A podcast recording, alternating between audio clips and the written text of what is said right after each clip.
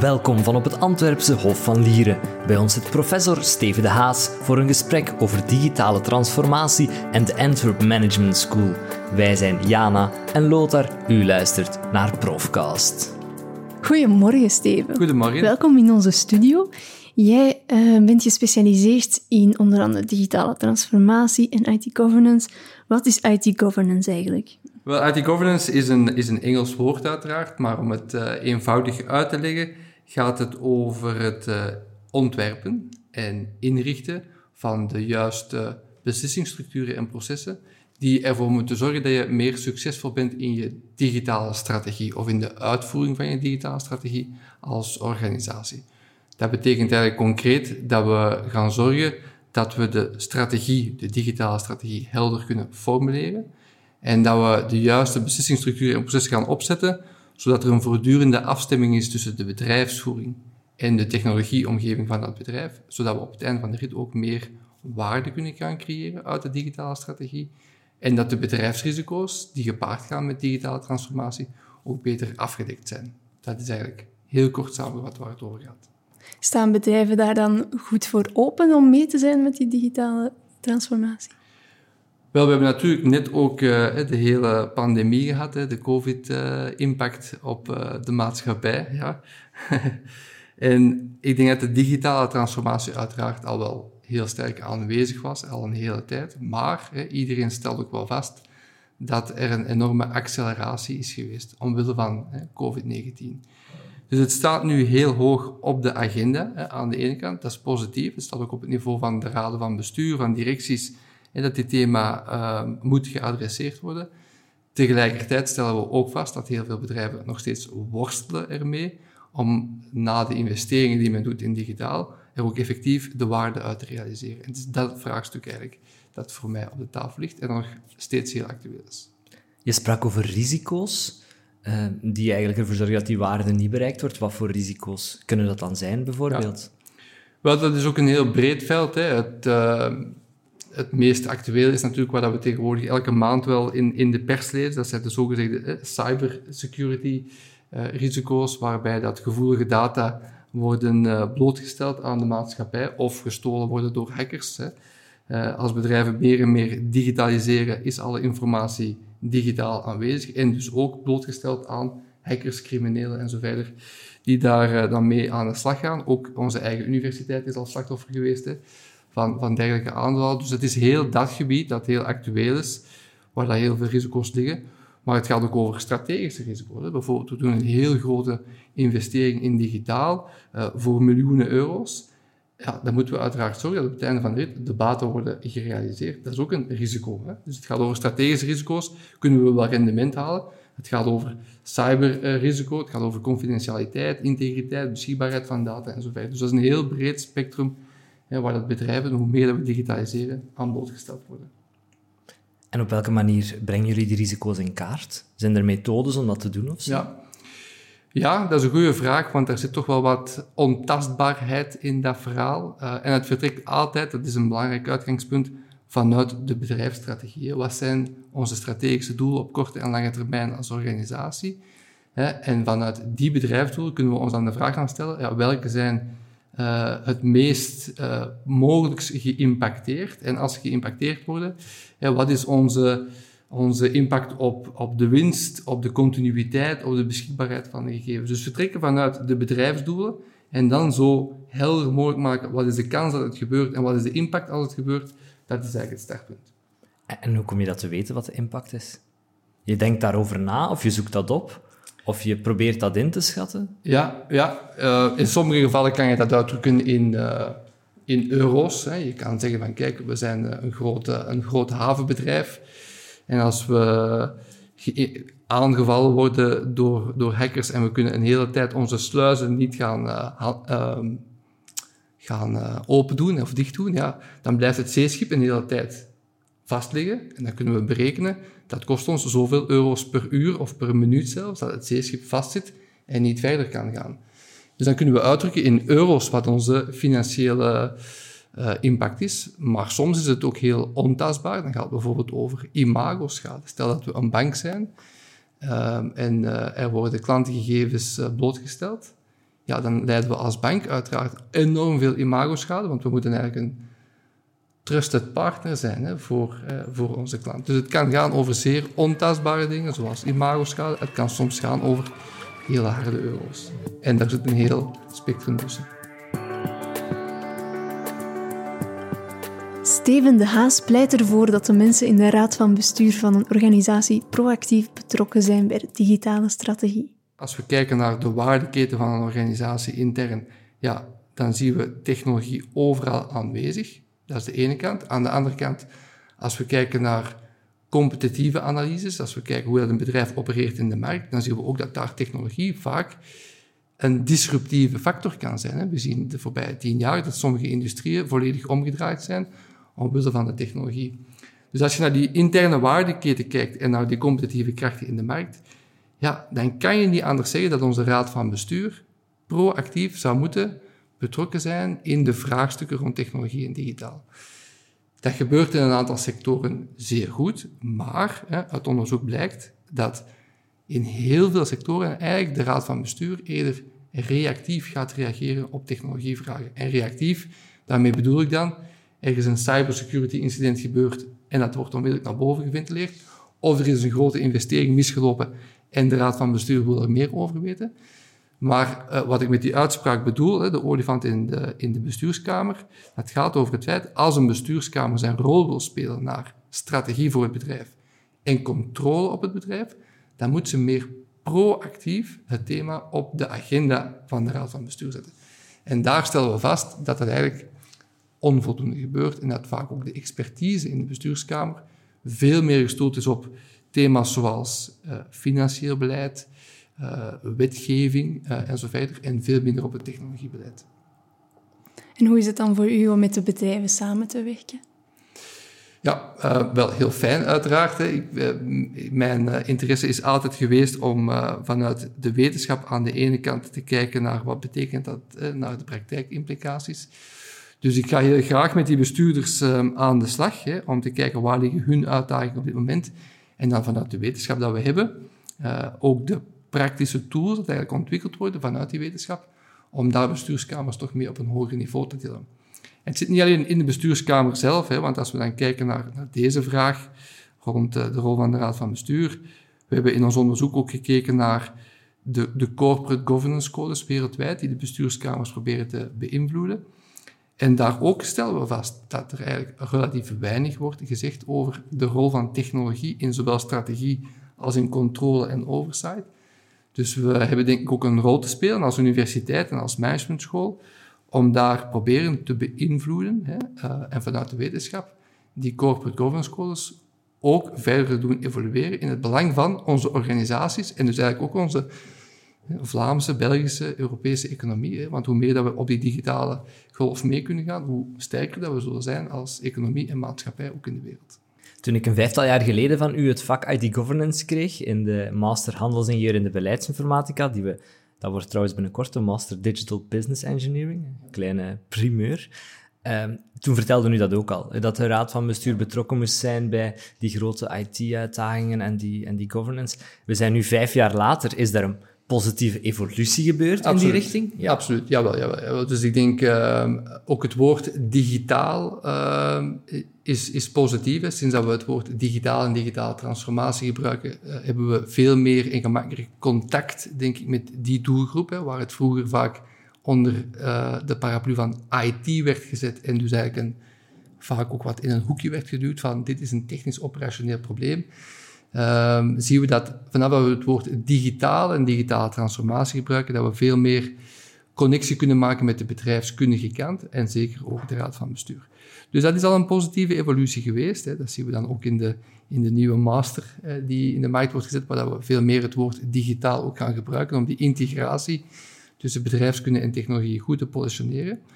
Wat ook uiteraard enorm heeft geholpen de voorbije twee jaar, hè, dat zijn ook positieve dingen aan, aan COVID, is dat COVID, die, wat ik al heb gezegd, die digitaliseringsgolf heeft enorm versneld. Dus dat speelt ook mee, dat, dat die raad van bestuur daar nu actiever mee aan de slag gaat. En het derde luik denk ik dat het heel hoog op de agenda plaatst, maar het is misschien initieel vaak dan wat reactief, is het hele verhaal van cyber cyberrisico's en cybersecurity. We lezen elke maand in de kranten de verhalen over aanvallen van hackers, bedrijven die operationele problemen krijgen, oftewel in confidentialiteit of beschikbaarheid van de data. Ja, en op een bepaald moment moet je wel ook als raad van bestuur, je hebt een accountability te nemen, daarmee aan de slag gaan. Dus we zien het evolueren. zeker ook bijvoorbeeld in, in, in de beursgenoteerde bedrijven die ook vanuit de regulators worden gestuurd, of in bedrijven die klassiek al heel afhankelijk waren van technologie, zoals de bankensector en de verzekeringssector. Tegelijkertijd zie ik ook het andere spectrum, familiebedrijven, bedrijven die meer in productie zitten, waar het eigenlijk nog wat eerder operationeel wordt bekeken vaak. En tegelijkertijd is ook heel de waardeketen al wel gedigitaliseerd. Dus daar zit dan toch dat spanningsveld natuurlijk. Naast uw professorschap aan de U Antwerpen bent u ook al drie jaar decaan van de Antwerp Management School. Ja. Hoe kijkt u daarop terug? Met, met heel veel plezier in de eerste plaats. En, en, en, uh, ja, en dankbaarheid, denk ik. Ik, uh, ik heb een, uh, altijd een passie gehad voor het bijeenbrengen van, van, laten we zeggen, wetenschap en de praktijk. Ehm, en ik denk dat we in Antwerpen toch wel een unieke samenwerking hebben tussen aan de ene kant de faculteit bedrijfswetenschappen en economie um, en aan de andere kant Antwerp Management School, waarbij dat we vanuit heel die discipline van bedrijfskunde, management, organisatie, leiderschap, aan de ene kant toponderzoekende afleveren aan de maatschappij, um, aan de andere kant ook um, heel goed onderwijs kunnen bieden, van, van bachelor naar master, naar, naar master naar master, maar vooral ook, en dat is, dat is dan de de relevantie in de praktijk en impact kunnen hebben op organisaties. En dus wat ik fijn vind in Antwerp Management School, hè, en dan samen met de faculteit, is dat we die, dat mooie samenspel tussen wetenschap en praktijk in de twee richtingen kunnen realiseren. Dus ja, heel fijn. Ja. En wat is wat indrukwekkendste dat u dan heeft meegemaakt in de laatste drie jaar? Ja, ik denk op dit moment is het indrukwekkendste of het meest impactvolle helaas toch ook de COVID-pandemie. Dat is iets geweest dat uh, niet in onze strategische plannen stond van Antwerp Management School. Ook niet van de universiteit, de faculteit. Van niemand niet, uh, denk ik. nee, uh, dus dat heeft ons allemaal enorm geraakt. Ik denk dat het ook vooral onze studenten heeft geraakt, die een jaar hebben gehad waar dat ze niet voor hadden getekend. Hè. Ze hadden een, een, een, een, leuk jaar gehoopt, hè, waar je aan de ene kant uiteraard de universiteit en de managementschool hebt met, met alle onderwijsactiviteiten, maar ook gewoon een fijn studentenjaar.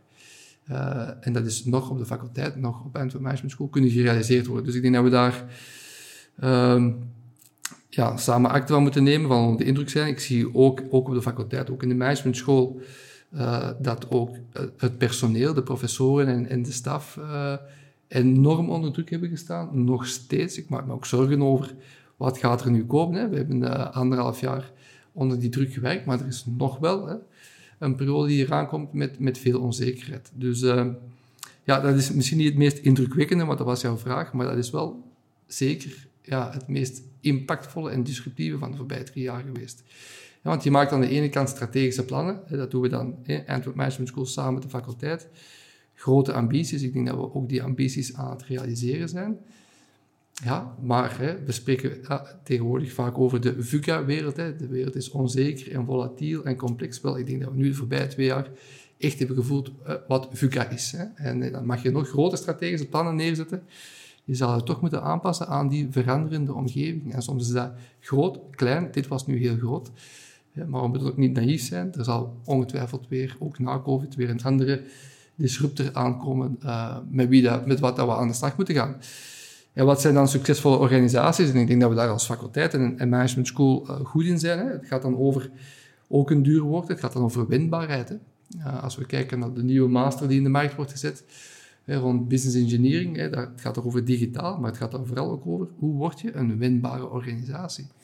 En dat gaat aan de ene kant over duidelijk zijn, waar wil je met je organisatie naartoe? Heel scherp kunnen formuleren, dat is onze visie en zo gaan we ons succes meten binnen vijf of tien jaar. Maar tegelijkertijd ook altijd openheid houden en, en kijken wat gebeurt er in onze markt, in onze directe omgeving en daar voortdurend aan kunnen aanpassen.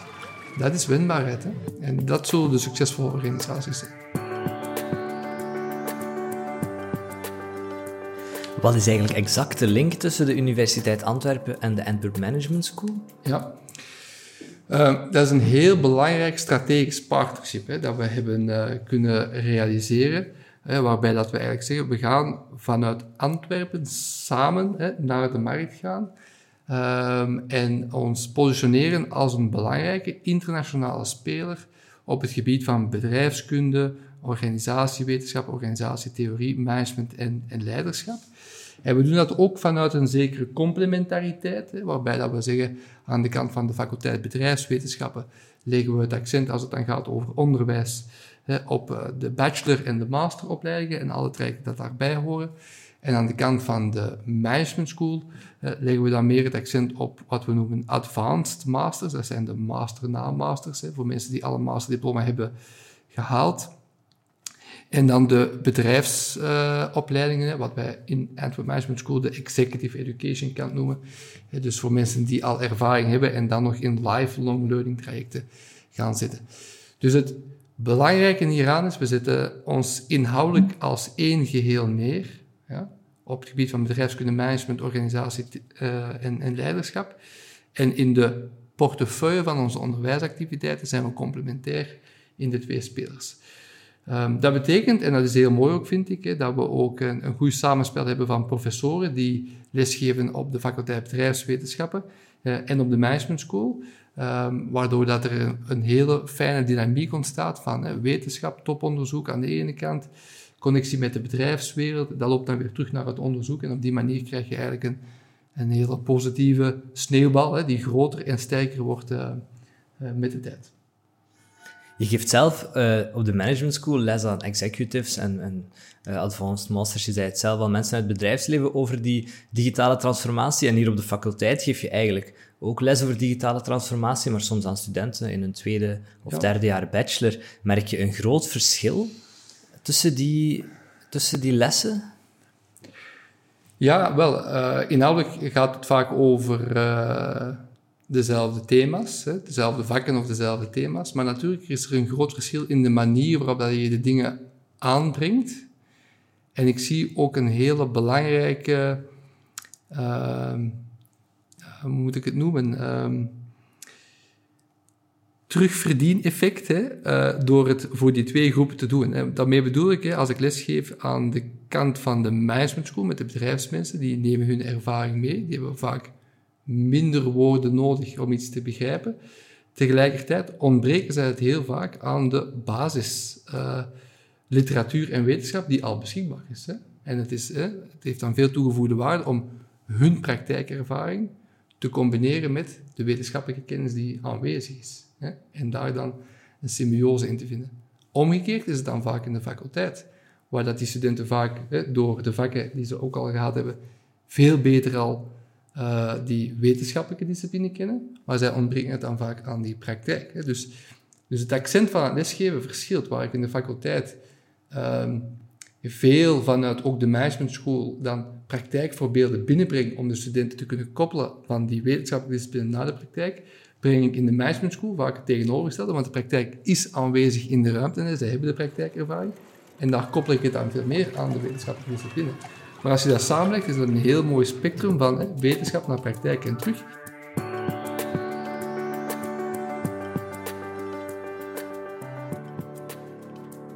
Wat zijn de toekomstplannen nog van de Antwerp Management School de komende jaren?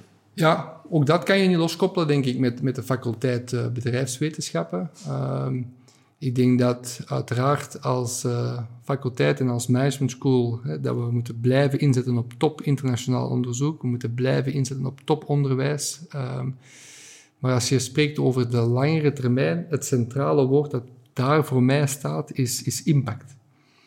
impact realiseren op de maatschappij. Ik vind dat een enorm belangrijk. We moeten uiteraard toponderzoek doen. We moeten uiteraard toponderwijs leveren.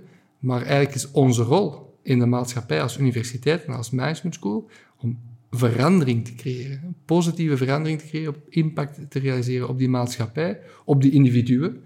Ik vind dat we als faculteit en als management school de, mogen werken voor een hele mooie opdracht. Hè, we mogen de, de leiders van de toekomst vormen. Dat is een hele mooie opdracht om voor te werken, dat is een hele mooie missie.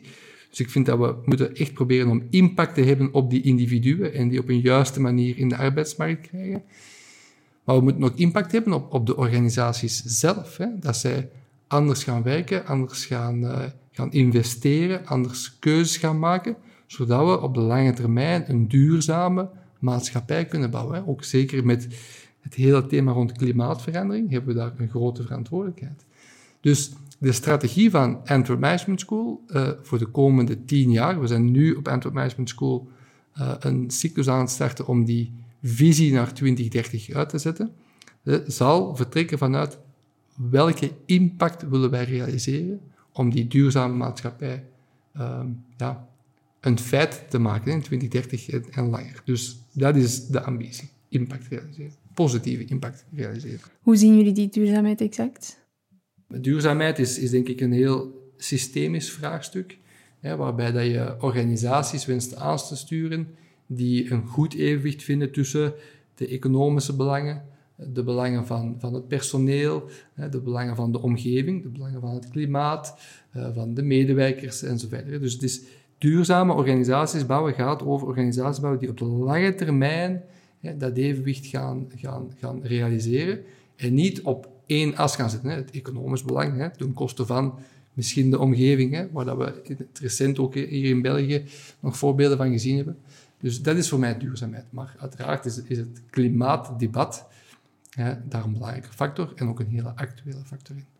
Wat ik, uh, wat dat ik in Antwerp Management School vaak uh, uh, zeg, is dat ehm, het gaat eigenlijk over de vraag die gesteld is, waar willen we naartoe?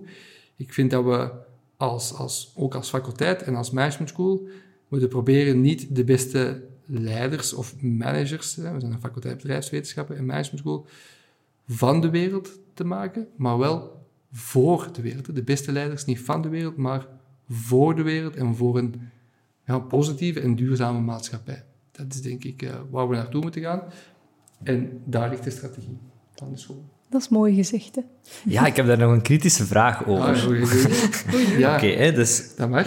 Dus je, je hebt dan een, oké, je hebt een, een, strategie, een digitale strategie, een onderwijsstrategie.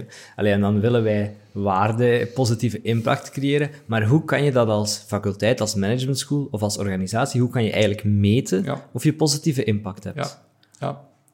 Dat is een, een, vraagstuk waar dat op dit moment heel wat faculteiten bedrijfswetenschappen en business schools internationaal mee worstelen. Uh, ik had daar wel al een aantal concrete voorbeelden van gegeven. Hè. En, en, opnieuw, die positieve impact is, is breed. Het gaat niet alleen over klimaat, uiteraard. Hè. Maar hoe kan je impact meten? je kan bijvoorbeeld zeggen als faculteit, en zeker ook bij ons in de business school, hebben wij een master in innovatie en ondernemerschap. daar gaan wij proberen te meten hoeveel start-ups ontstaan er uit die opleiding. En dat zijn ondertussen al meerdere. En je kan ook vijf jaar later meten hoeveel van die start-ups zijn een scale-up geworden, zijn ondertussen doorgegroeid en zo verder. Heb je dan impact gerealiseerd? Ja, wel degelijk, want dat, dat veroorzaakt ook de werkstelling. Je kan ook gaan kijken naar welk type van start-ups zijn dat. Wij proberen ook heel actief aan die alumni mee te geven dat ze, als ze een bedrijf starten, dat ze dat vanuit die duurzaamheidsgedachte moeten doen. Hè. Ze moeten al de aspecten meenemen. Dus dat is een manier om impact te meten. Hoe kan je nog impact meten? Um, dat doen we denk ik zowel in de faculteit als in de business school. Uh, je kan uh, masterproeven gaan inten op concrete bedrijfsprobleemstellingen van organisaties. waardoor dat je niet alleen een masterproef maakt die relevant is voor de wetenschap, maar die op het einde van de rit ook effectief iets verandert in de organisatie. We doen dat op de Management School heel actief. Al de jonge studenten, wij doen dat de fulltime masterstudenten daar, dat zijn negen fulltime masters, gaan allemaal drie tot vier maanden voltijds werken op het einde van de opleiding in een concrete in een concreet bedrijf. En op het einde van de rit wordt de masterproef ook verdedigd voor het management van dat bedrijf. Ja, dan heb je dus impact gerealiseerd, want je gaat effectief vertrekken van een echte vraag en op het einde van de rit ook proberen die verandering te realiseren.